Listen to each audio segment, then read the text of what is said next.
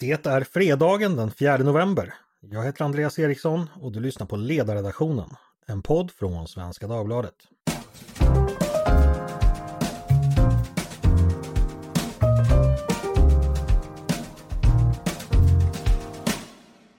Ljus som tändas i midhöstnatten tänds för att sätta hoppet i brand.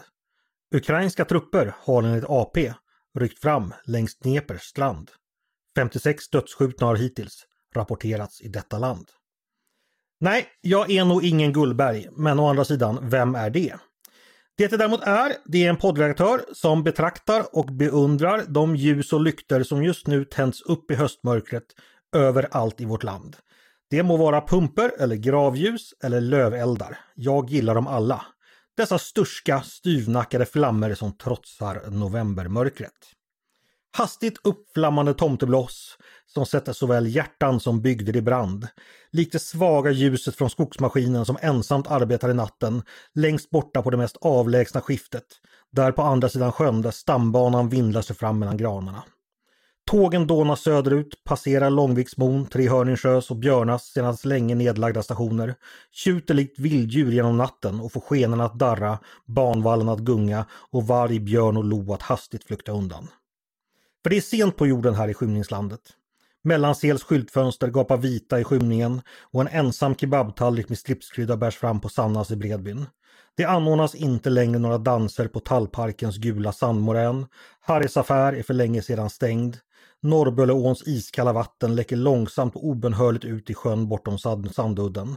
Antarsbergs vårdkase vrider sig i vinden och öde och övervuxen vindlar Gamlandsvägen mellan Vassmon och Normesunda.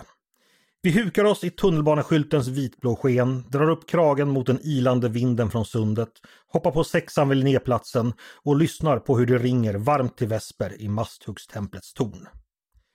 Men dessa slarvigt tecknade höstbilder till trots så kommer inte vi på Svenska Dagbladets ledarsida att duka under, varken för det stora vemodet eller för någonting annat årstidsbetingad diagnos. Nej, vi fortsätter trofast och idogt att följa samtidens vindlingar och med mig för att göra det just denna fredag har jag som vanligt en, två, tre kollegor från redaktionen. Jag har precis lyckats slita dem från telegraflinan där de senaste telegrammen från en stormig omvärld ständigt tickar in. Och dessa kollegor är inga mindre än Tove Livendal, Paulina Neuding och Mattias Svensson. Varmt välkomna alla tre! Tack så mycket! Hej, Hej Andreas! Tove, eh, ännu en vecka i den oberoende moderata opinionsbildningens tjänst. Känns, mm. känns den bra? Mm, det känns väldigt bra faktiskt och väldigt angeläget därför att eh, jag har fått en del läsarkommentarer med anledning av att vi har skrivit en del texter där vi har mer närskådat, kritiskt närskådat Tidöavtalet. Mm. Och en del av dem förstår inte riktigt varför vi är så kritiska när vi nu har en regering som vi eh, är av en annan sort än den vi ville byta ut. Och eh, då får man möjlighet att förklara vad det där med obunden moderat innebär. Mm. Men, det, men, det, är väl jättebra att vi, vi får chansen att tala lite om det. Jag tänkte bara, medan jag ändå har det på, på, på linan här, vi har ju haft läslov i veckan. Har du Tove hunnit läsa någonting mer än den egna sidan? Ja, lite grann. Jag var ju på den här sy och hantverksfestivalen förra, för en vecka sedan och eh, då köpte jag två stycken vävböcker och en bok om broderi. Och det är ju inte så mycket läsning som mer av som bildmässig inspiration, men det är mm jag har i alla fall hållit i, i böcker. Mm, ja, du har hållit i dem.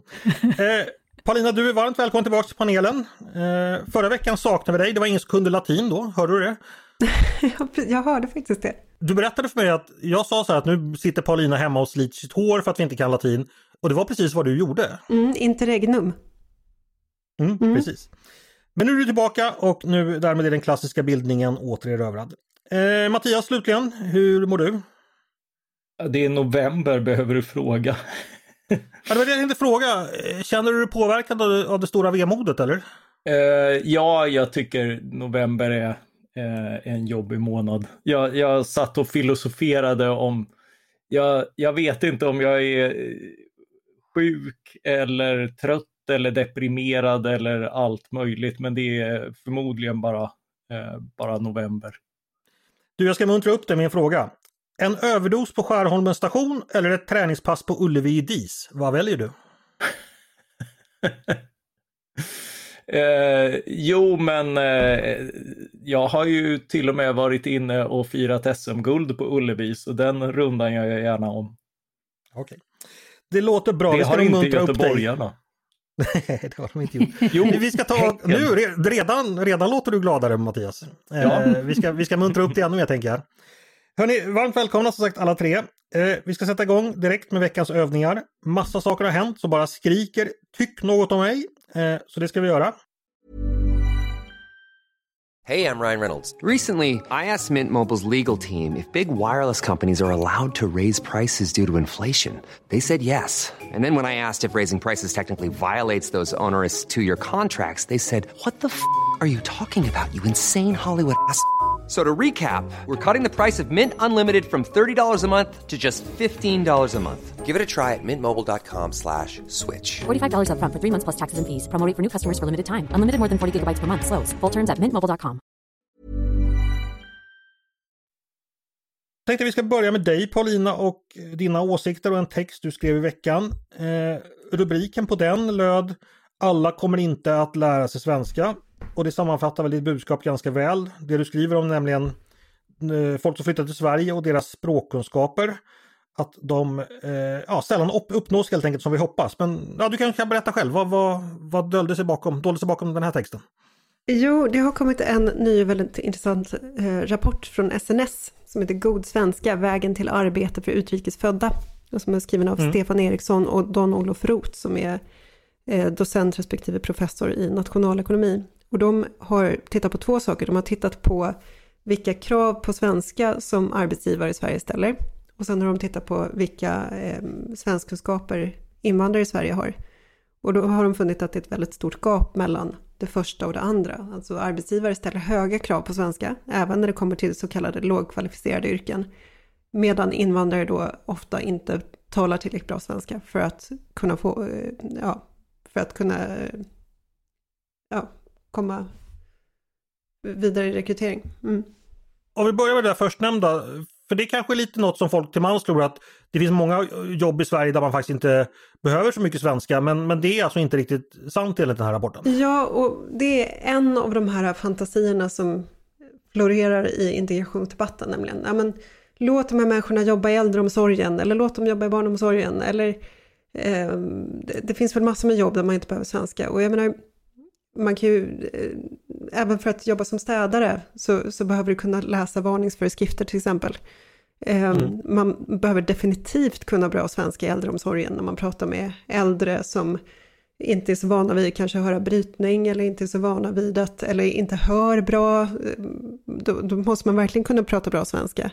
Ska du jobba med barn, då måste du verkligen kunna bra svenska för att det handlar ju om barnets språkutveckling och så vidare. Alltså, eh, det har funnits en förhoppning om att det någonstans finns jätteenkla jobb där du inte behöver kommunicera med människor på svenska och det finns inte. Och andra delen där med att när man som nyanländ kommer och lär sig svenska i Sverige, eh, det går inte heller så bra som vi kanske tror eller hoppas. Nej, alltså dels så är det många som inte gör klart själva utbildningen som erbjuds. Alltså, eh, det är väldigt få som går klart SFI, alltså svenska för invandrare. Eh, och sen så, eh, en majoritet eh, aldrig, går aldrig den sista delkursen i SFI. Och sen när man tittar på själva färdigheterna då så är det en hög andel som har dålig läsförmåga då, till exempel. Ehm, och där tycker jag att vi också har varit naiva, fast på ett annat sätt. Ehm, svensk migrations och integrationspolitik har liksom utgått från en föreställning om att om vi bara har tillräckligt mycket peptalks kring det här med att lära sig svenska, språket är nyckeln och så vidare, då kommer människor komma hit och lära sig svenska. Problemet är att det är svårt att lära sig språk. Eh, Det är svårt att lära sig språk på en professionell nivå så att man kan konkurrera med infödd arbetskraft. Sen så finns det andra saker som talar till Sveriges nackdel. Vi är ju ett invandrarland idag så vi har många stora diasporor, alltså vi har många stora invandrargrupper redan i Sverige. Så om du är syrier och kommer till Sverige idag, ja men då kan du komma till ett samhälle där du kan ha ett rikt socialt liv och aldrig behöva lära dig svenska.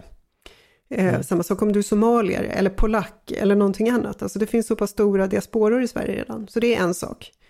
En annan faktor är att många invandrare till Sverige är lågutbildade.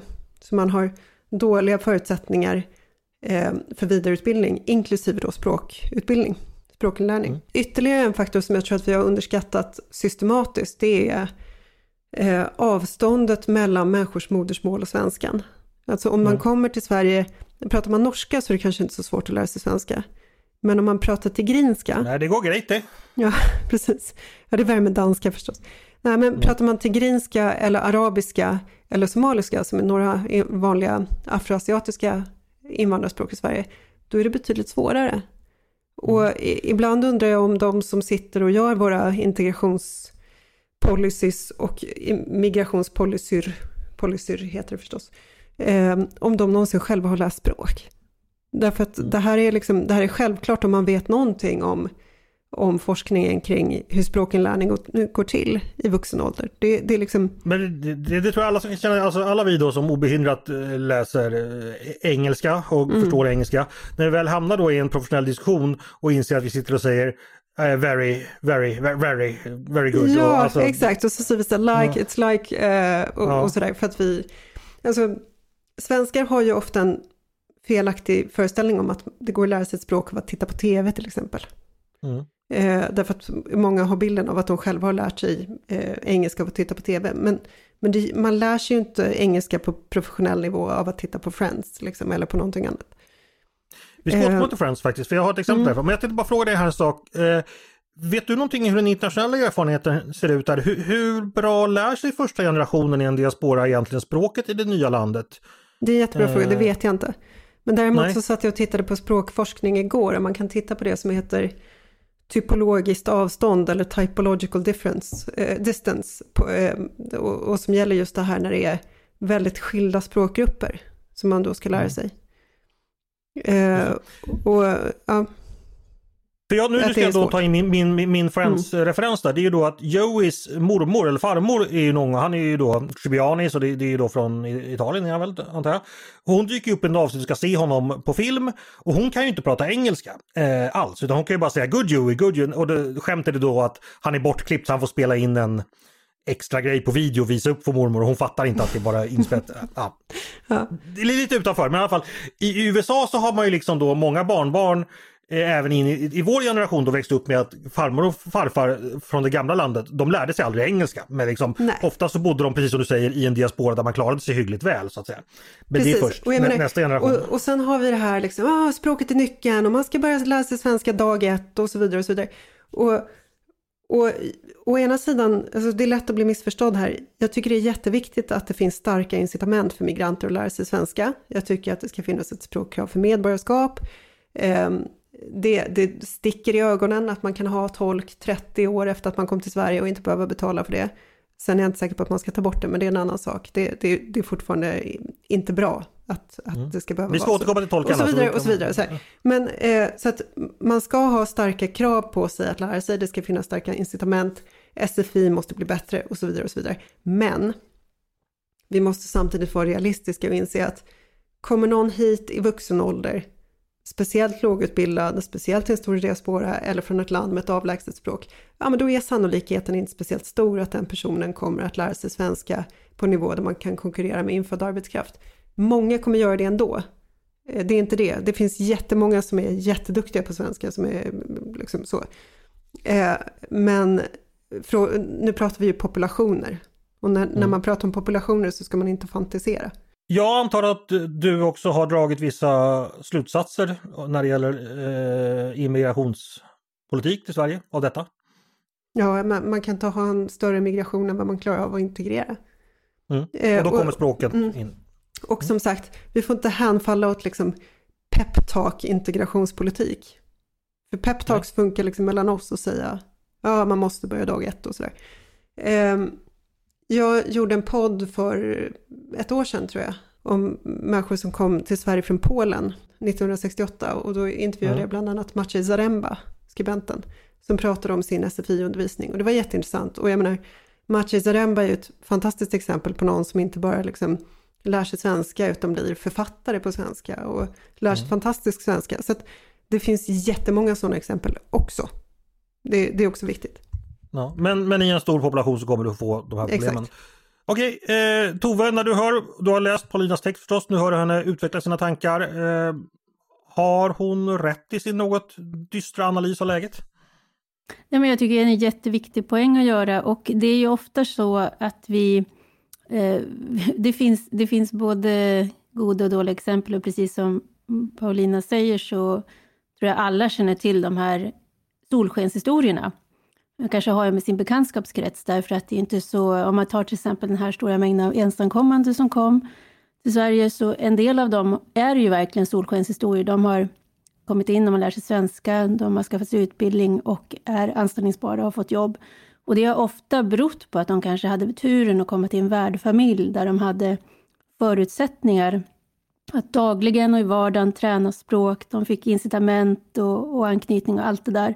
Så i många fall så har det gått väldigt bra och det där med språket har, har, har individen tillsammans med en inkännande omgivning tagit ansvar för. Men det har vi inte haft för alla som har kommit och eh, jag tror att det är, eh, om man bara går till sig själv så kan man också känna igen det här med vad man har enkelt för och inte enkelt för. Och tanken på att man själv skulle i ett land som kanske till och med har ett annat alfabet mm. göra sig anställningsbar, den är ju, för mig så svindlar den ju. Jag tror inte att jag, ja, jag skulle göra det under tvång om, om det inte fanns någon annan möjlighet, men, men tanken på att kunna komma anspråk på ett sätt som är rimligt eh, i ett, ett, eh, under de förutsättningarna, det finns ju inte, eller det skulle jag säga var otroligt svårt att nå. Så att mm. Jag tror att det är viktigt att vi har just realismen som Paulina efterfrågar. Och sen tror jag att det går att göra mycket mer. Jag tror att det peppiga eh, skulle jag se,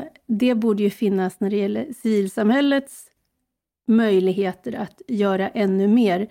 Eh, där vi fortfarande lider av det här med att ja, men det är någon annan som ska fixa och sådär.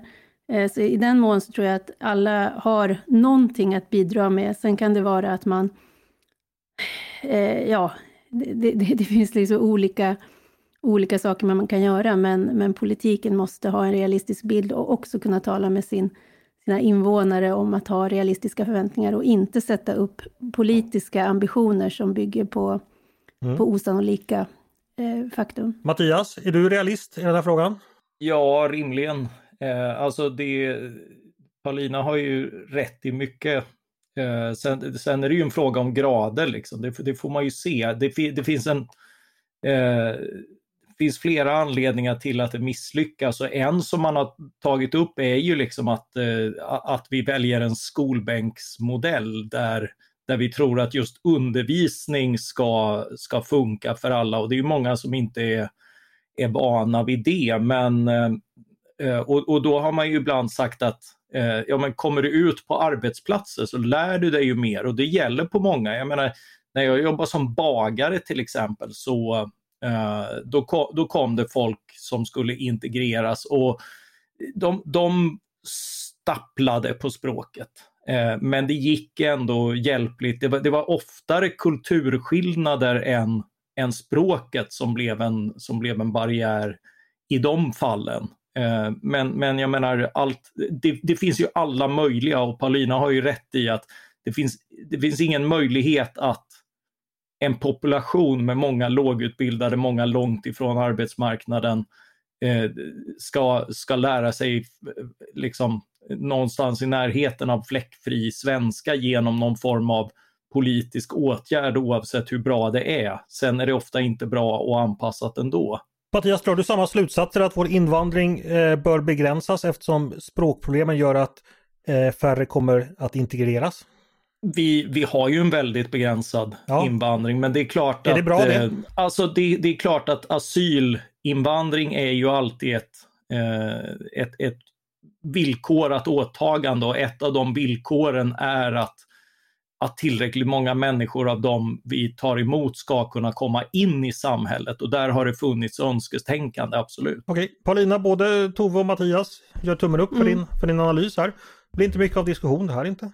Nej, men jag tänker på det här med fläckfri svenska. Jag kanske ska säga det också, att det handlar ju inte om accent till exempel. Accent är ju ointressant. Och där ja. kanske vi svenskar är lite fåniga med att vi tycker att det är så viktigt att man pratar. Att det ska inte höras att man har en historia. Liksom. Mm.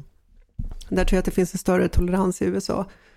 Är, är min... Liksom, ja, eh, Kissinger pratar väl fortfarande med uh, accent exempelvis? Ja, en smula. Eh, nej men det finns ju, jag det finns massor med exempel i offentligheten på folk som pratar med stark accent men pratar jättebra svenska och det, det är inte det som jag eh, pratar om. Det, det berättar ju bara att man har en historia, att man kommer någonstans ifrån. Men alltså mer och mer yrken är ju dels interaktion som Paulina varit inne på och dels att även liksom de här, de här praktiska yrkena som det kom arbetskraftsinvandrare till på 50, 60, 70-talet som, eh, som liksom inte kunde svenska när de kom och, och det gick liksom. Nu är ju all, i stort sett alla de yrkena mycket mer instruktioner, kun, teoretisk kunskap och annat som kräver ett språk på ett helt annat sätt ändå. Och, och det framgår också av den här rapporten att det har, kraven har ökat över tid även i lågkvalificerade yrken. Och jag menar, det är ju ett kvitto på att vi är ett, Sverige är ett komplext eh, kunskapssamhälle. Det är ju det är liksom ett tecken på att vi vi är där vi vill vara. Och det finns ju en massa jobb som, inte, som finns i andra länder som inte finns i Sverige, därför att vi vill inte ha den typen av arbetsmarknad. Vi har inte en kille som står vid bandet på ICA och packar våra varor åt oss och har det som sitt enda, sin enda funktion och sen går till sitt andra och sitt tredje jobb för att det är så lågbetalt. Det är ju en ekonomi som inte vi har, tack och lov. Nej. Nej, det har vi bestämt oss Nej, och jag tror inte att ens där att folk skulle vara nöjda om den Nej. personen inte förstod svenska. Ja, precis. Inte... Lägg inte tomaterna längst ner, tack. Alltså, man, man, vill kunna, alltså. Men vi svenskar är väldigt noggranna med vår påspackning så vi kanske vill göra det själv. För det, det var ju ja. till ett eget skolämne när jag var barn. Så packar du en påse och det, det vill man gärna visa att man kan. det var det va? Ja, ja men det är ju liksom, skolan, alltså. det skulle man kunna ha som medborgarskapstest i Sverige egentligen. Alltså.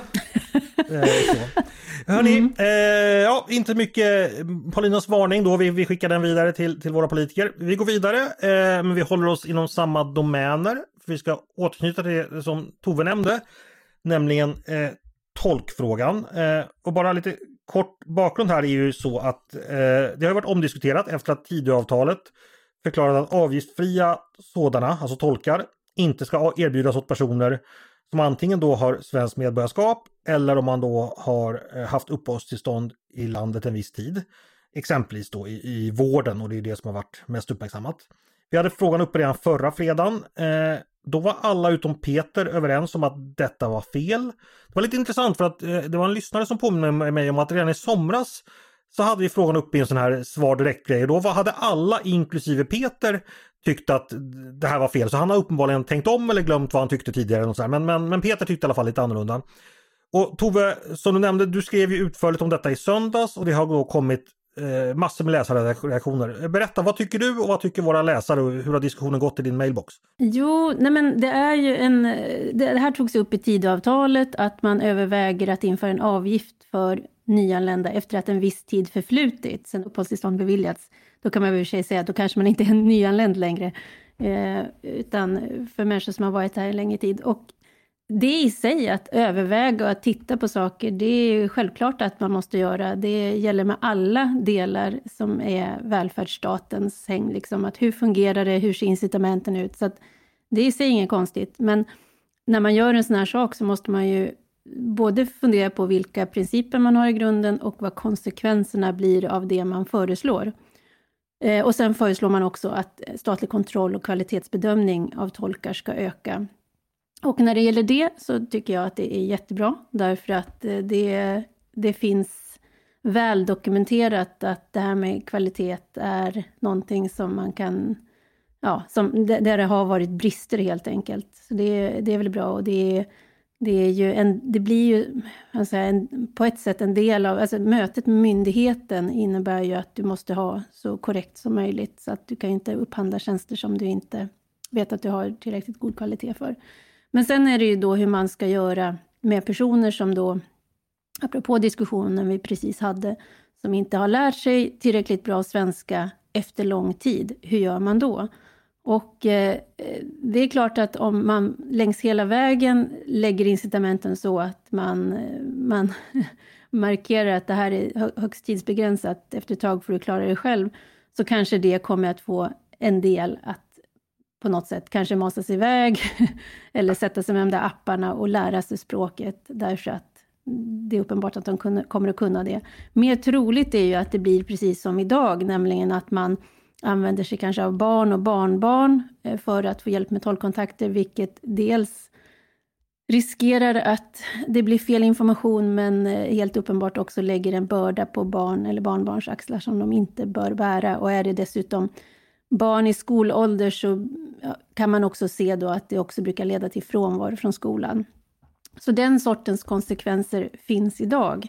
Eh, en annat perspektiv på det här är ju patientlagen som vårdpersonal har att rätta sig efter. När de i vårdmötet träffar personer så ska de då eh, se till att den andra, den patienten kan förstå, eh, få information där man går till mötespersonen. Så att de kommer ju bli satta på pottkanten ifall det är så att man drar undan då möjligheten till avgiftsfri tolk efter ett tag. Eh, eller så sitter man där med anhöriga som antingen tar ett ansvar de inte bör bära, eller som vi också vet nu, det finns ju stort, en stor förekomst av till exempel då hederskultur i Sverige eh, och det är inte så svårt att föreställa sig situationer där, där personer som borde vara fredade i mötet med myndigheter då har med sig kontrollanter. Eh, så att det finns många aspekter på det här och det var min poäng med texten. Mm. Att eh, den är inte så enkel. Okej, och vad säger folk då när de hör av sig till dig? Det kommer av båda alla sorter. Eh, en utlandssvensk eh, hörde av sig och sa att Tove, du är en gnällig jävel. Vi har minsann fått fixa det själva när de flyttade till Spanien eller vad det var. Och så är det ju, det är jättemycket, apropå vår tidigare diskussion, det finns många som är fullt kapabla och som tar ansvar och har resurserna att göra det också. Eh, men eh, politiken måste ju också kanske inte, möj, inte nödvändigtvis sätta standarden efter de som inte gör det, men åtminstone ha beredskap för hur man gör med de människorna som inte fixar det själva. Sen vände jag ju också på frågeställningen i artikeln och påminde om den här, eh, det här eh, framprovocerade grävet som Dagens Nyhet gjorde i fjol, där man ringde upp vårdcentraler och eh, så att säga ville träffa svenska vårdgivare, etniskt svenska vårdgivare och där man då implicit kunde förstå att det handlar väl om att man kan göra sig förstådd i mötet. Det var det som önskemålet gällde. Eh, och det är ju, för det blir ju också förlängningen en fråga. Vi har ju en situation idag där, och det har jag fått ganska många eh, mejl om, eh, en person som säger jag har de senaste sex gångerna under cirka åtta års tid som jag sökt vård fått träffa en läkare jag inte förstått vid fem tillfällen. Det har varit hyggligt enkla besvär men ändå resulterat i missförstånd. Eh, och där är ju också det som vi var inne på tidigare att i vården, i äldrevården och i barnomsorgen så har vi också personal som inte pratar svenska som alla etniskt svenska förstår. Eh, och då svarade, apropå det så skrev eh, Robert Stenqvist, som är riksdagsledamot för Sverigedemokraterna, på Twitter att det var larvigt av mig att skriva det här. I Sverige förutsätts läkare prata svenska, annars kan de inte arbeta på vårdcentral. Varpå jag svarade hej och välkommen till verkligheten, för att det är ju så att bara för att vi, vi förutsätter en sak, för att politiker slår fast en sak, så är det inte alltid så att verkligheten rättar sig efter det. Och det är ju det som politiken har att förhålla sig till. Hur ser det ut i verkligheten? Mm. Men du, nu, nu var, var, det eh, många åsikter åt olika håll. Om man kokar ner det mm. i tolkfrågan så tycker du alltså att man i Tidöavtalet landar fel när man liksom entydigt säger att det ska bli avgift på tolkar efter en viss tid? Ja, man, man, säger, man, man slår fast att man ska begränsa rätten eh, till offentligt finansierad tolk och sen ska man då överväga avgifter och man säger att utgångspunkten ska vara att den enskilde i första hand ska betala för tolktjänster. Och jag tänker ju att det är, är det så att man ska ha kontakt med myndigheter så har myndigheten också för att kunna åt, uppfylla sina åtaganden så behöver den kunna försäkra sig om att att man kan göra sig förstådd med den personen som det berör. Så att jag, jag tror att det här är för långt tänkt. Jag tror att det, jag säger inte att man inte ska tänka på det. Som jag sa inledningsvis så behöver man alltid ifrågasätta och ompröva all, allting som rör statens eh, både befogenheter och uppgifter. Men eh, jag tror att man, eh, man, här, man tror att man med ett pennstreck kan lösa ett problem som jag tror kommer att kvarstå och möjligen få ytterligare konsekvenser om man drar pennstrecket för snabbt. Det kommer att bita dig i arslet lite senare. Eh, typ Paulina, du sa tidigare att du också var skeptisk till att eh, avgiftbelägga eller ta bort de fria tolkarna i alla lägen. Hur resonerar du som Tove ungefär eller hur, hur tänker du? Nej, men det här är jättekomplicerat. Å ena sidan så som jag sa, det sticker i ögonen att man efter decennier i Sverige fortfarande har rätt till det här. Eh, det öppnar också för Fast du har ju precis förklarat hur jäkla missbruk. svårt det är att lära sig ett språk. Ja, ja, visst, absolut. Eh, sen så finns det eh, risk för missbruk. Alltså, eh, om du har en släkting som är tolk, eh, varför inte bara boka läkartider i onödan så att den personen kan fakturera? Alltså, det, det finns hur mycket, hur, hur mycket som helst som är problematiskt med det här. Eh, jag har talat med läkare som berättar om patient som uteblir men tolken kommer, eh, samhället betalar och så vidare. Eh, jag, jag undrar om det inte är möjligt att visst man har rätt till tolk men, men då får man också en räkning hem sen. Eh, jag tror att vi måste gå mot något sådant. Men Mer åt det hållet i alla fall. Fast kanske inte hela ja, vägen. och sen, och sen så risken för kontrollanter finns ju liksom även om man har med sig tolk som, som tillhör samma, samma community som man själv. Eh, eh, så att, eh, alltså att någon sitter och kontrollerar vad man säger till doktorn. Det spelar ingen roll om det är ens eh, farbror som följer med som tolk eller om det är liksom en, en auktoriserad tolk som följer med. Det kan ju vara en del av samma, samma struktur ändå. Eh, Men jag skulle vilja Mm. veta hur man gör i andra länder. För man vill ju heller inte ha en situation där folk blir felbehandlade eller doktorn, för man kan inte kommunicera med doktorn. Det, det, liksom, det går ju inte heller. Men då får ni en läxa till nästa vecka då. Ta reda på hur det är i andra länder. Ska vi ta då de nordiska länderna, eh, Frankrike, USA, England och Tyskland. Eh, Mm. Då kollar vi upp det. Mattias, vad säger du? Jag är på Paulinas linje här. Alltså jag, jag tycker definitivt att man ska kolla på alla möjligheter det finns att, eh, eh, att lägga en avgift på det här på den eh, det berör. Eh, dels, dels efter att man har varit ett tag i landet eh, och, och sen, Eh, men inte bara det. Det man behöver ta hänsyn till är ja, om, om folk kommer hit från helt andra omständigheter, vi på humanitära grunder bestämmer att eh, du får vara här och så, liksom, då, då bör man få ett par år på sig att kunna komma in och, och lära sig språket och sådär. Men, eh, men sen så övergår ju faktiskt ansvaret till en själv att, att begripa språk och annat i, i det land man har kommit till. Eh, snar, sen behövs det också ett undantag när man blir äldre, för då, då vet vi liksom att då tappar man det är liksom inte, det, det var ju det som, eh, som Tove var inne på med när, när det här med äldre kom upp. Många tappar också ett språk man har lärt sig, man går i barndom, eh, det, det blir på ett annat sätt och där behöver förstås eh, humanitära hänsyn och liknande ta, ta överhanden. Men däremellan så är jag helt för liksom ett betalningsansvar för de extra kostnader man, eh, man orsakar genom att inte lära sig språk. Okej, Jag vill bara, får jag bara flagga där, eh, en läsare som också hörde av sig och berättade, eh, och nu får vi kolla om det, nu, nu för jag vidare uppgifter som jag inte vet om de stämmer, men att SOS Alarm förra året hade 14 500 uppdrag som krävde tolk, eh, Eh, vilket skulle vara en ökning på ett knappt decennium på 6 000 procent. Eh, och dels, dels så säger ju det någonting, jag tog ju också upp i min artikel att eh, det till exempel kring Rättegångar har blivit stora tolkkostnader. Där skulle man kunna tänka sig att fällande dom också inbegriper då tolkkostnaderna.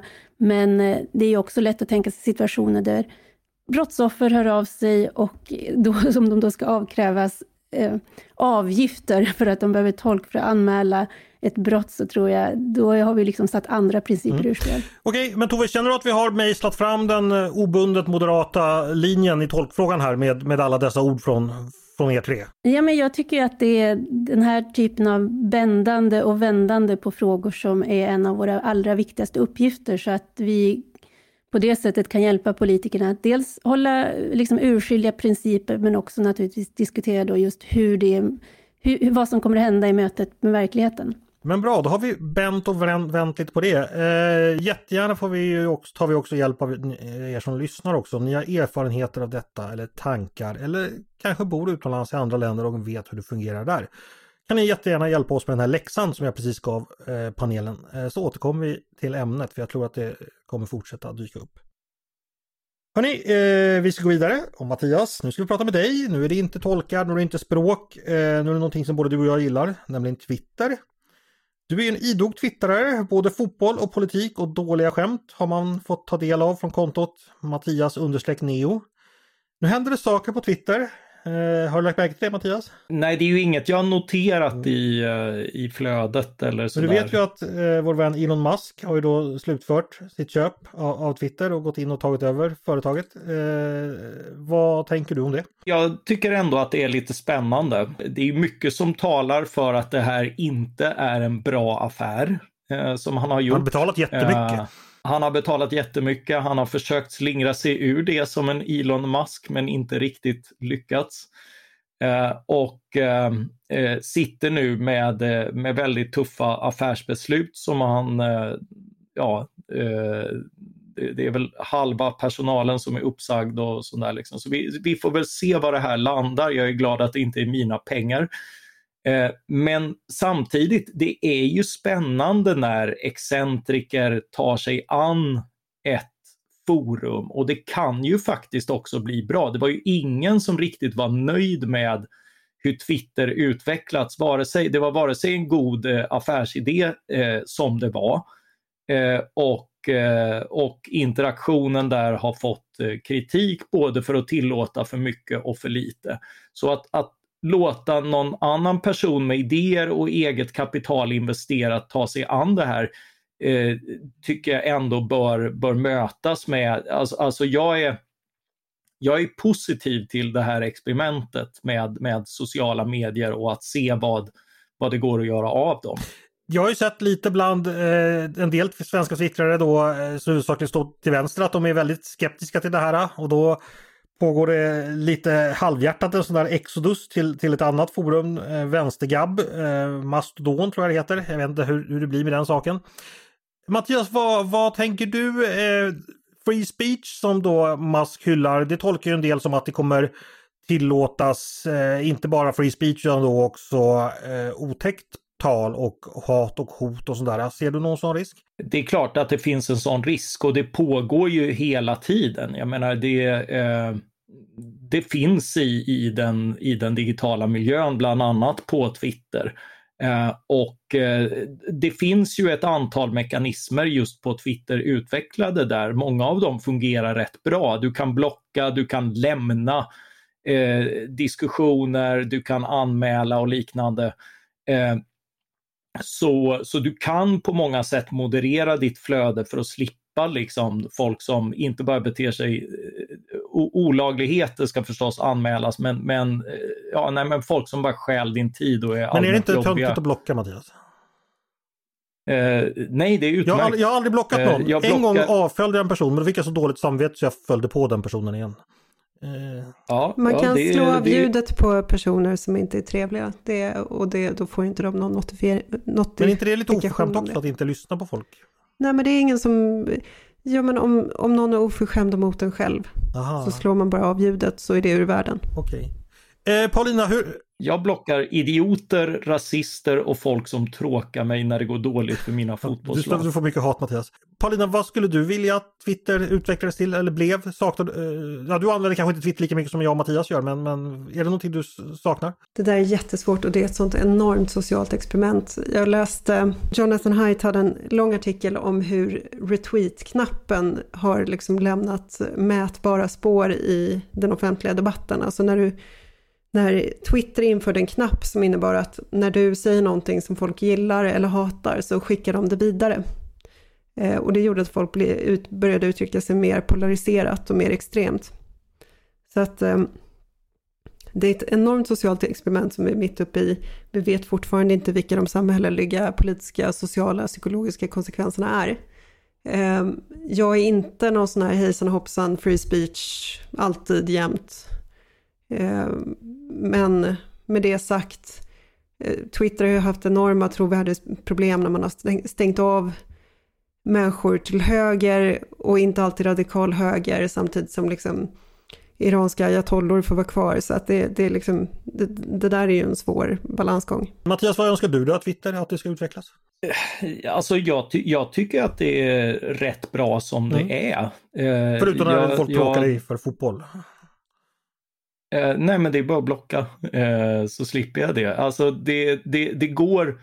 Eh, det, det, blir ju lite grann som man interagerar. Man får försöka lära sig och det är ju med det här experiment, experimenterande. Vi deltar alla i det och eh, eh, och och jag, jag, tycker att om man, om man interagerar med människor som ger någonting så, så, så blir det bättre. Liksom. Och så un, försöker man undvika de, det är ju också liksom vad de tar fram hos en själv. För, för ska man vara inbegripen i en massa bråk hos folk som triggar en så, så kommer ju inte ens egen bästa sida fram heller. Liksom. Nej. det, det, brukar ju sägas det här att om, om du inte är eh, vad, vad, är det man säger? Att eh, om, om du inte eh, betalar så är det du som är produkten. Nu verkar det ju som om Musk ska undersöka betalningsviljan för att vara en en Twitter-profil. Mm. Får se hur hög den är. Uh, och Ja, och, och, det kan ju vara intressant. Alltså, jag, jag, tror att, jag tror att det kommer att bli intressant att följa om det sen eh, blir ett intressant och spektakulärt misslyckande eller inte. Det, eh, det återstår att se, men, men jag tycker vi, vi har definitivt råd att, att experimentera på en plattform. Det har ju snarare varit en kritik över att alla blir monotona, väldigt lika eh, och, eh, och det blir samma typer av misstag som begås överallt och det tror jag att det är värre än om olika plattformar begår olika misstag. Mm. Tove, eh, gillar du att experimentera på Twitter? Nej, eh, eller, eller så här, jag har, jag har satt upp för mig själv en slags regel, för jag tror att det är det är mycket som Mattias säger, att det blir lite grann vad du gör det till. Du kan bestämma eh, när du är där, i vilket syfte du är där, vad du har för intention. Och det kommer också påverka responsen i, i viss mån. Och eh, jag har ju satt upp för mig själv sedan ganska länge eh, en regel som säger att jag får bara vara på Twitter om jag är på gott humör. Eh, och det innebär att jag, jag, går in ganska många gånger per dag, eh, för jag tänker att det ingår i mitt jobb, men jag går ut ganska snabbt.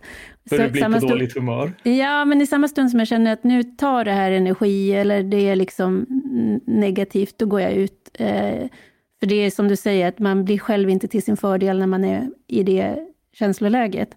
Och dessutom är livet för kort, så jag vill helst inte att det liksom det ska sugas energi av saker som ändå inte går att påverka. Och det är en, men det är, en, det är en väldigt speciell arena. Jag har inte sett särskilt många som blir till sin fördel i det, men det kan bli... Jag, jag tycker att man fortfarande kan få bra information och inte just så här, ja, här är värdefulla länkar, utan det är intressant att studera hur människor beter mm. sig. Och, du läser den för, för texternas skull, också, för artiklarnas skull? Nej, jag läser den för, för beteende, så beteendeläsandets skull och det är ju en...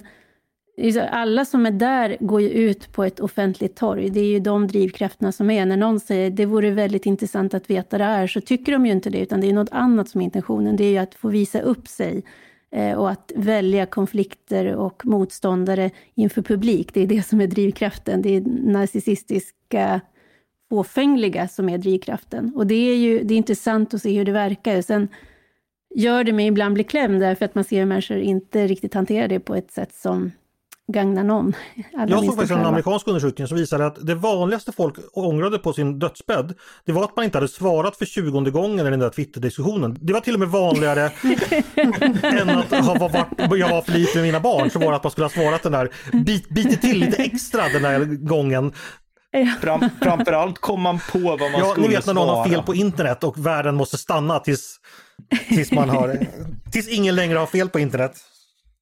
Jag använder inte sociala medier ett dygn i veckan så stänger jag av alltihopa. Eh, och om jag inte liksom måste, om det inte är någonting akut för jobbet så, så kollar jag inte någonting. Tur att du fick med det där. Ja, bra att jag fick, precis. Eh, Tove är med idag så att eh, jag var tvungen att säga, nej men på riktigt, så jag, jag brukar eh, stänga av alltihopa under ett dygn och sen så när man går in på Twitter efter den där eh, pausen så slås man alltid av så här, det, det här furiösa eh, samtalet. Det, det, det, finns liksom en aggressivitet där som när man har varit ute ur det 24 timmar så, så slås man av hur, hur aggressivt det är, eller kan vara. Mm. Mm. Och sen finns ju det här som eh, eh, alltså, det, det, den här skolgården för vuxna som det blir ibland med de sämsta delarna, det är ju liksom det här att gå i grupp och den här cancelkulturen som ju har tagits in överallt, den kan ju få extra stöd på Twitter. Och den blir ju, det, det, där blir det ju verkligen som att se för vuxna barn hålla på. Och eh, är man chef som jag är så får man ofta då, då kan det bli så här, man pingas in för att då, jag ska ju helst då recensera mina egna kollegor. får man verkligen skriva så här och hur tänkte du nu och så där, liksom man ropar på mamma på något sätt. Eh, så det är ju en, eh, ja, det, det, är ett experiment, precis som Paulina säger och det är, eh, än så länge så får man, man, man får man, man, får tänka sig noga för så att man liksom inte kommer ut från det där experimentet på ett sätt som man just kommer att få ångra, kanske inte på sin dödsbädd, men ändå några år efteråt. Men jag måste ändå, eh, alltså eh, ap apropå det här du sa om eh, att, att man bara vill visa upp, jag tycker att eh, Twitter är utmärkt för att just få snabb feedback i, eh, i sak. Om man har någon fråga eller om man lägger ut en text på Twitter först och så hittar någon något fel och sådär, liksom, mm. då, då har man ju nytta, i bästa fall så hinner man få in det i, i tryck och sådär liksom om, om det är något. Och, och folk är väldigt generösa med, med också sånt tycker jag, att, att ge eh, alltså klok feedback och, eh, mm. och, och mm. korrigeringar och ja men jag har en annan uppfattning, vad var det? Eh, och sen är det ju också en, en, snabb orientering i vad som, vad som händer och sånt där. Så jag tycker det finns många fördelar i, i, det, i, i interaktionen på det sättet. Att det inte bara är folk som vill skina. Ja, du har rätt i det. Precis, man glömmer och, och det, när man pratar om det så här så glömmer man allt som är bra med det. Men jag tycker Twitter är en jätte, jättebra nyhetskälla. Det är ett jättebra sätt att ha koll på substacks som man inte skulle hittat annars, intressanta profiler, liksom det, det finns hur mycket som helst. Det, det, finns ju verkligen ett skäl till att man hänger där. Men sen så finns det ju den här nackdelen också när folk ska visa upp sig och gör det på det, är lätt att man dras med i, i någonting negativt och tråkigt. Den här podden har ju fått mycket hjälp av Twitter ska sägas också. Jag frågar ju ofta folk om eh, dels vad vill ni höra helt enkelt, och då får jag många bra inspel och också så här, jag vill veta, jag vill göra en podd om det här ämnet, vem föreslår ni? Och Nästan alltid mm. får jag eh, ja, alltså råd och tips som verkligen blir någonting som jag går vidare med. Liksom. Så det är alldeles utmärkt. Gå vidare ska också vi göra, det kan, ju, det, det, kan ju ha att göra med att du har en konstruktiv ton, Andreas, och inte ägnar din övriga tid på Twitter åt att sitta och ja, hetsa mot du, du, du skulle höra vad var vänster. Nu, nu förolämpar du Andreas, han vill ju vara i kulturkriget. Ni skulle hö höra vad, vad andra sidan säger om mig. Hörni, eh, ni kommer ut jättefint på Twitter i alla fall allesammans. Jo, vidare skulle vi gå. Eh, och då så är det dags för att gå från favorit sociala medier till mitt favoritmoment. Det som heter Svar direkt. Ni vet det här då vi stresstestar våra ledarskribenters politiska reflexer och förmåga att blixtsnabbt skilja sant från falskt och gott från ont. Det går helt enkelt till så att jag, eh, likt en långboll från backlinjen i en usel tipsextramatch från 80-talet, skickar upp en aktuell fråga till panelen som får försöka göra det bästa av den. Eh, det är fortfarande ganska dåligt med konkreta förslag i politiken måste jag säga. Jag har faktiskt fått gå till de verkliga proffsen, nämligen våra kollegor på andra ledarsidor, för att hitta lite fräscha åsikter. Eh, så jag tänkte vi ska recensera lite vad våra konkurrenter tänkt ut. Eh, är ni med? Mm. Mm. Eh, våra vänner på Dagens Nyheters ledarsida vill att regeringen ska bjuda in Socialdemokraterna till, som det heter, breda parlamentariska samtal för att ta fram energipolitik för de närmaste decennierna. Vad säger vi om detta? Behöver regeringen komma överens med Socialdemokraterna om framtidens energiutbyggnad eller kan man köra på själv? Eh, ja, ska man ta kontakt med Socialdemokraterna helt enkelt? Ja eller nej? Jag vill ha svar direkt.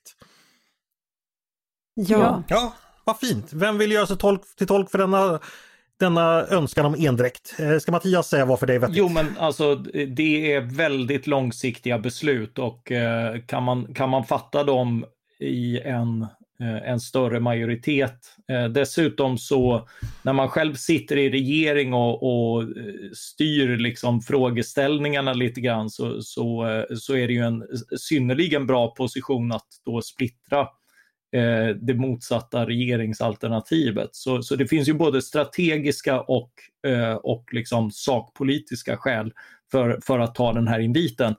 Om, om man sen ska liksom hålla sig till eh, alltså eh, låsa in alla beslut i den ramen eller känna sig fri att gå vidare med en agenda utan Socialdemokraterna, eh, det, det blir ju en senare fråga. Fint Mattias, vi går vidare. Expressens ledarsida tycker att Nobelstiftelsen har dubbla måttstockar som väljer att inte bjuda in Jimmy Åkesson från SD eller Belarus och Rysslands ambassadörer samtidigt som man hälsar Irans ambassadör välkommen. På så sätt riskerar Nobelstiftelsen enligt Expressens ledarsida att, som det heter, ge legitimitet åt regimer som systematiskt kränker mänskliga rättigheter. Vad tycker vi om detta? Gör Nobel Nobelstiftelsen fel som bannar Åkesson men välkomnar Iran? Jag vill ha svar direkt. Mia. Mm. Ja och nej. Mattias? Nej. Du ställer ju två frågor Ja. Andreas, jag svarade på dem. Jaha, okej. Eh, vadå? Eh, vad ställer jag för... Jo, men gör de fel som, eh, som, ban, som bannlyser Jimmie Åkesson? Ja, jag tycker Ja. att de gör fel i det. Eh, om de gör eh, så här, rätt som tar in, det är ju en fråga, det är ett diplomatiskt protokoll, det får uppdateras på UD i så fall. Eh, och det kanske man bör göra. Så svaret är att de borde bannlysa där också, men det är ju så att Fast säga... de borde Nobelstiftelsen har väl följa- ingenting de, med de ska UD att- följa Har de med UD att göra? De är väl en privat organisation? Ja, men- inte det? Enskild? Ja, de är en privat stiftelse, men jag gissar att de eh, rådfrågar de, det diplomatiska protokoll Sverige har som upprättas på UD. Och det, det bör väl Okej, i så så fall in med Åkesson och sen eh, funderar vi över Iran. Eh, Paulina, du sa med. Det är faktiskt två helt olika saker. Eh, och Okej, jag tycker det är synd att man inte bjuder in Jimmy Åkesson. Därför att man, man, det är bara ett sätt att vara valarbetare för Sverigedemokraterna. Alltså det är bara att elda på den här, allt, allt det här som har varit så dumt de senaste åren. Men eh, det gör Nobelstiftelsen precis som de vill. Eh, det är synd att de håller på, men det är upp till dem. Eh, sen det här, det är inte riktigt samma sak med utländska diplomater. Det är, det är en annan sak, det följer lite en annan logik. Det, den jämförelsen är inte helt... nej. Man kan göra den, men man kan Okej, också välja så att du inte ger göra den. eh, Expressen lite tummen ner här när det gäller att eh, i deras resonemang. Tu- okej. En mellan. Den är tummen ner på mitten. Eh, Det är långfingret som sitter på mitten. Eh, vi går vidare och nu blir det känsligt för nu ska vi prata om våra, våra nära vänner. Eh, en person som är vice nationell talesperson för SDs ungdomsförbund Ungsvenskarna har antagits till Digitala akademin som en utbildning hos tankesmedjan Timbro.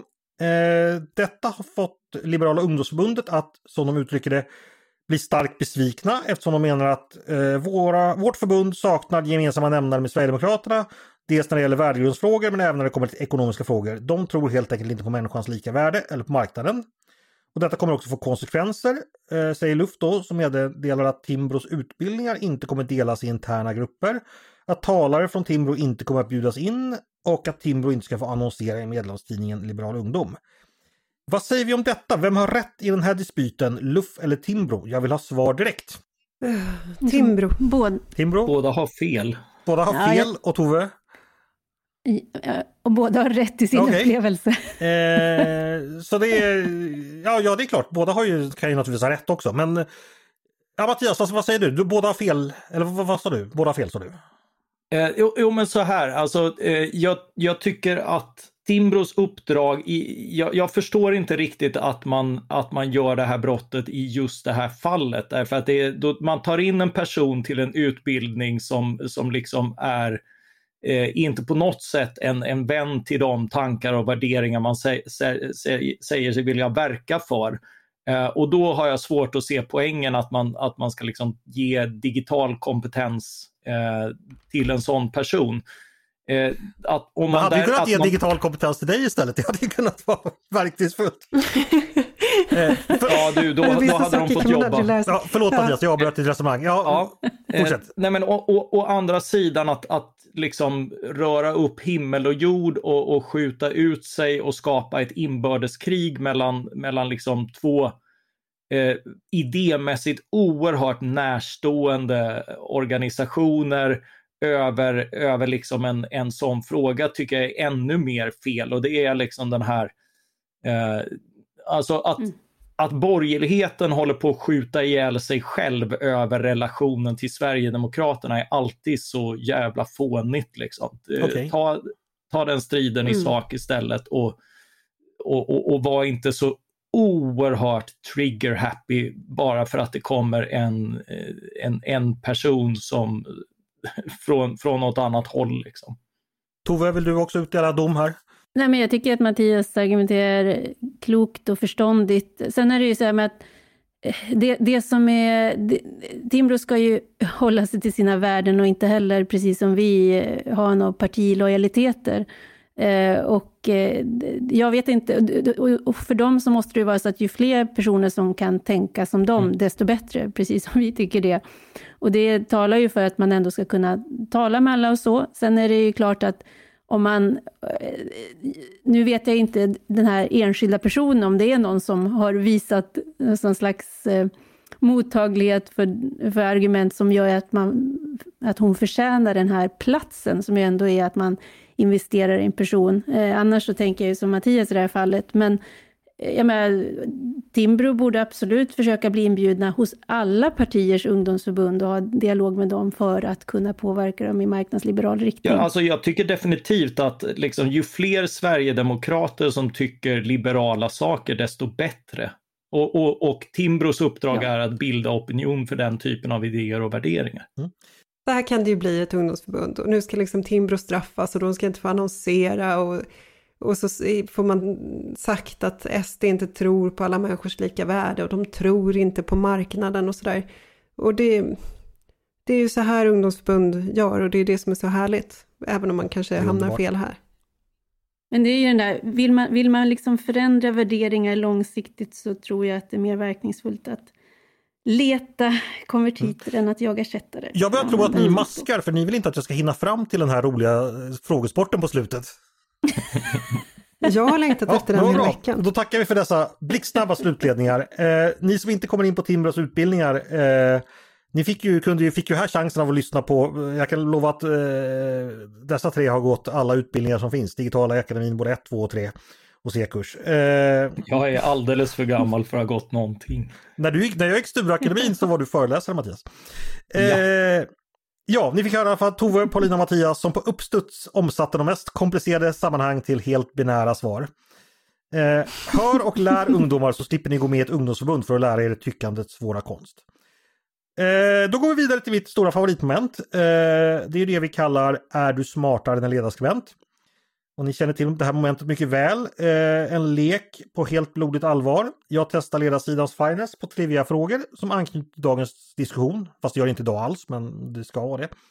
Ni som lyssnar kan vara med och svara och svarar ni snabbare och mer korrekt på mina frågor än vad Mattias, Paulina och Tove gör. Då är ni helt enkelt smartare än en ledarskribent och får ägna hela helgen åt att skryta över det.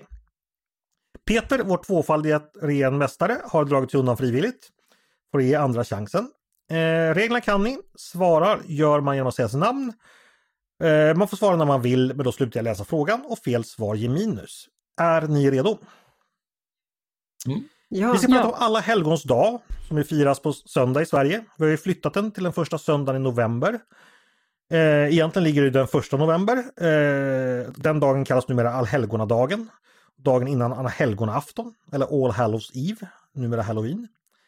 Eh, vår egen helgonaafton, alla helgons dag, är sålunda på lördag innan vår nya helgonadag. Men det är i alla fall en högtid som ursprungligen eh, är till för att hylla martyrer och helgon, men också tidigt kännetecknas av att man minns döda generellt. Inte minst för att tidigare hedniska traditioner ska ha funnits på denna dag. Eh, jag tänkte att död och de döda ska vara tema för dagens frågor. Död är ibland nära politiken, som när Sveriges statsminister och landsfader Per Albin Hansson dog på sin post i oktober 1946. Men exakt var dog han? Mattias? Ja, låt höra. Eh, på en tågstation.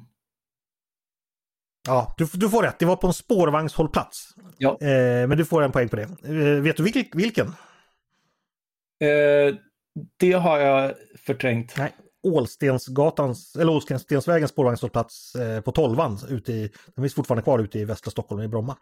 Ett poäng till Mattias, snyggt! Eh, en annan minister som dog på sin post, han hette Leif Blomgren, han kallas för Blomman. Han gick bort 1998 då var, han var minister i Göran Perssons regering. Vilket fackförbund hade han tidigare? Mattias? Ja. ja. Mattias, vilket fackförbund vad hade han varit ordförande för?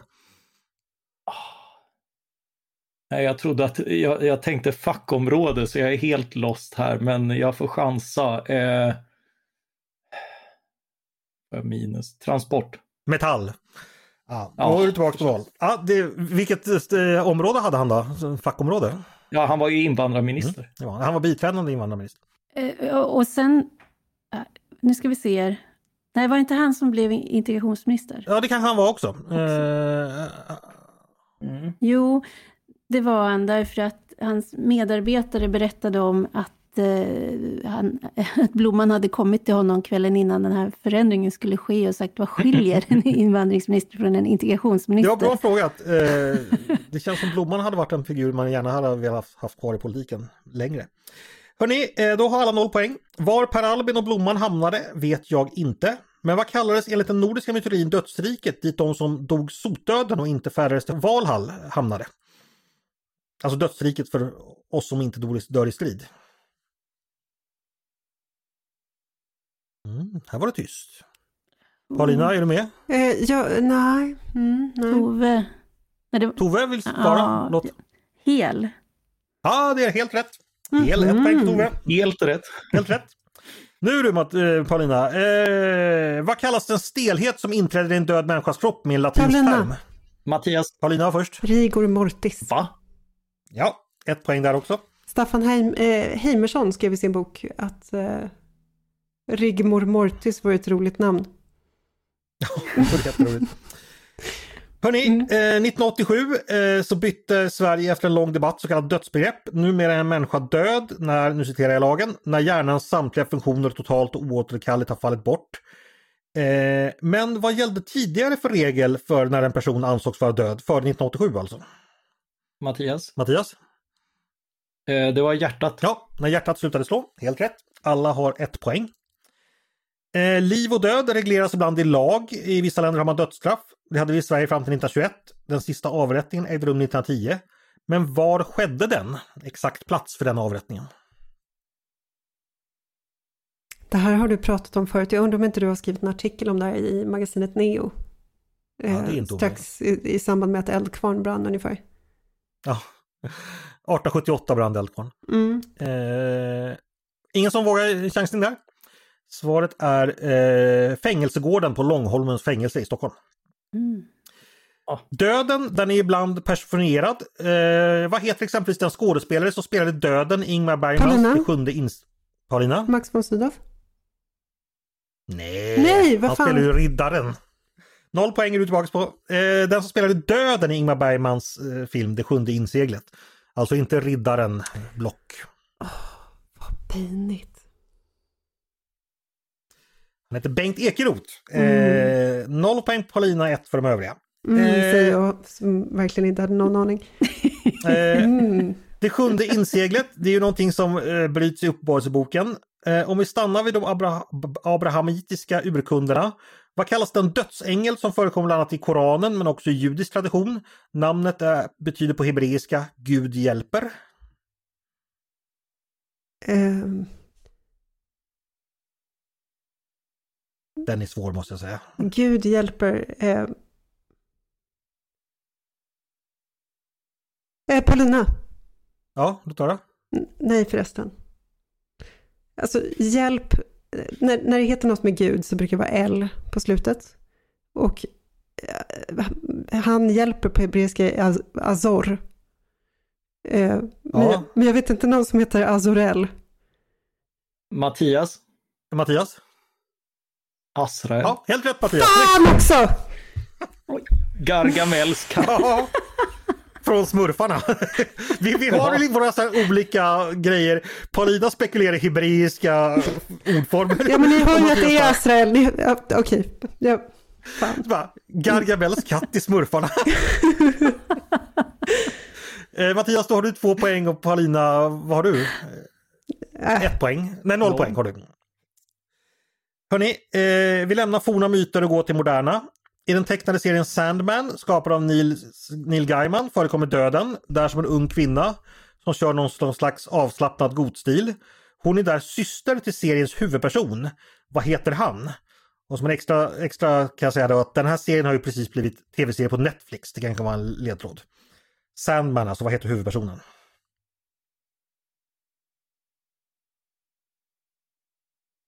Kanske också var svår. Ingen som har en, vågar chansa? Nej. Sandman är ju då helt. är ju en, eh, är ju en liten ledtråd också. Han heter Dream, eller Dröm, eller Morpheus hade gått bra också. Mm. Eh, vi fortsätter. Vad står det nu? Mattias har två, Tova har ett och Paulina har noll va? Just Jag har minus ett, jag hade Eh. fel på sjunde inseglet också. Ja, ja, du har minus ett. Bra att du är ärlig Paulina. Hörni, eh, helgon är ju också någonting som vi ska fira i helgen. Eh, jag tänkte kolla vad ni kan om helgon. Vad kallas det näst sista steget i katolska kyrkans process för att någon ska förklaras vara helgon? Ett finare ord är beatifikation.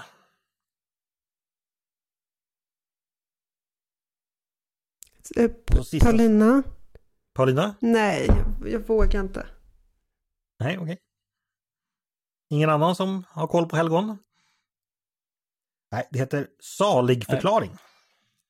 Det är ju översättningen av beatifikation. Att man är salig. Eh, ja, eh, vi, Ja, var och en blir salig på sin egen tro. hör, hör du vad nöjd han är nu Paulina, Mattias? Nu är han jättenöjd. Nu myser han. Oh, Hörrni, en som helgonsförklarades i en väldigt snabb takt, det var Moder Teresa, numera Sankta Teresa av Calcutta. Hon föddes 1910 i en albansk familj, men vad hette landet som hon föddes i? Det finns inte längre kan jag säga. Mm.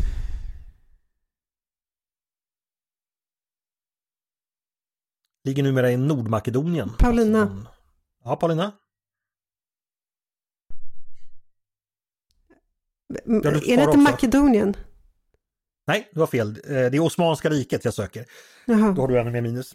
Eh, då är det så att då har vi en sista fråga eh, och då Mattias då leder med två poäng, Tova en och Paulina har många minus. Eh, nu är det närmast vinner. Eh, hur många dog i Sverige år 2021?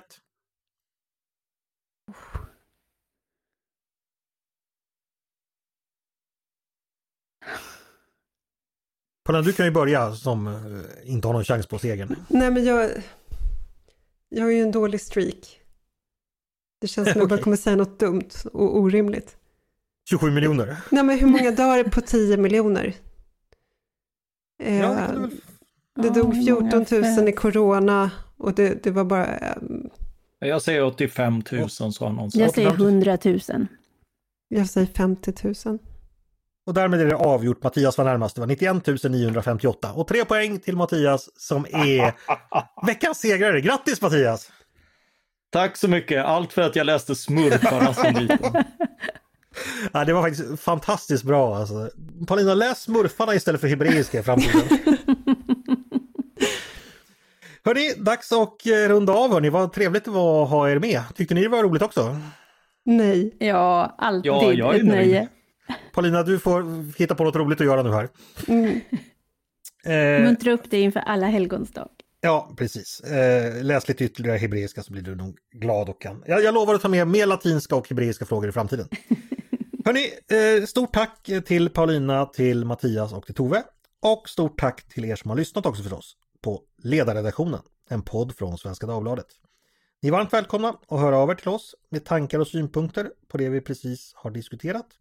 Eller om ni har idéer och förslag på det vi ska ta upp i framtiden. Då är det bara att mejla till ledarsidan snabla svd.se. Dagens producent heter som alltid Jesper Sandström. Jag heter som alltid Andreas Eriksson och jag hoppas som alltid att vi hörs igen snart.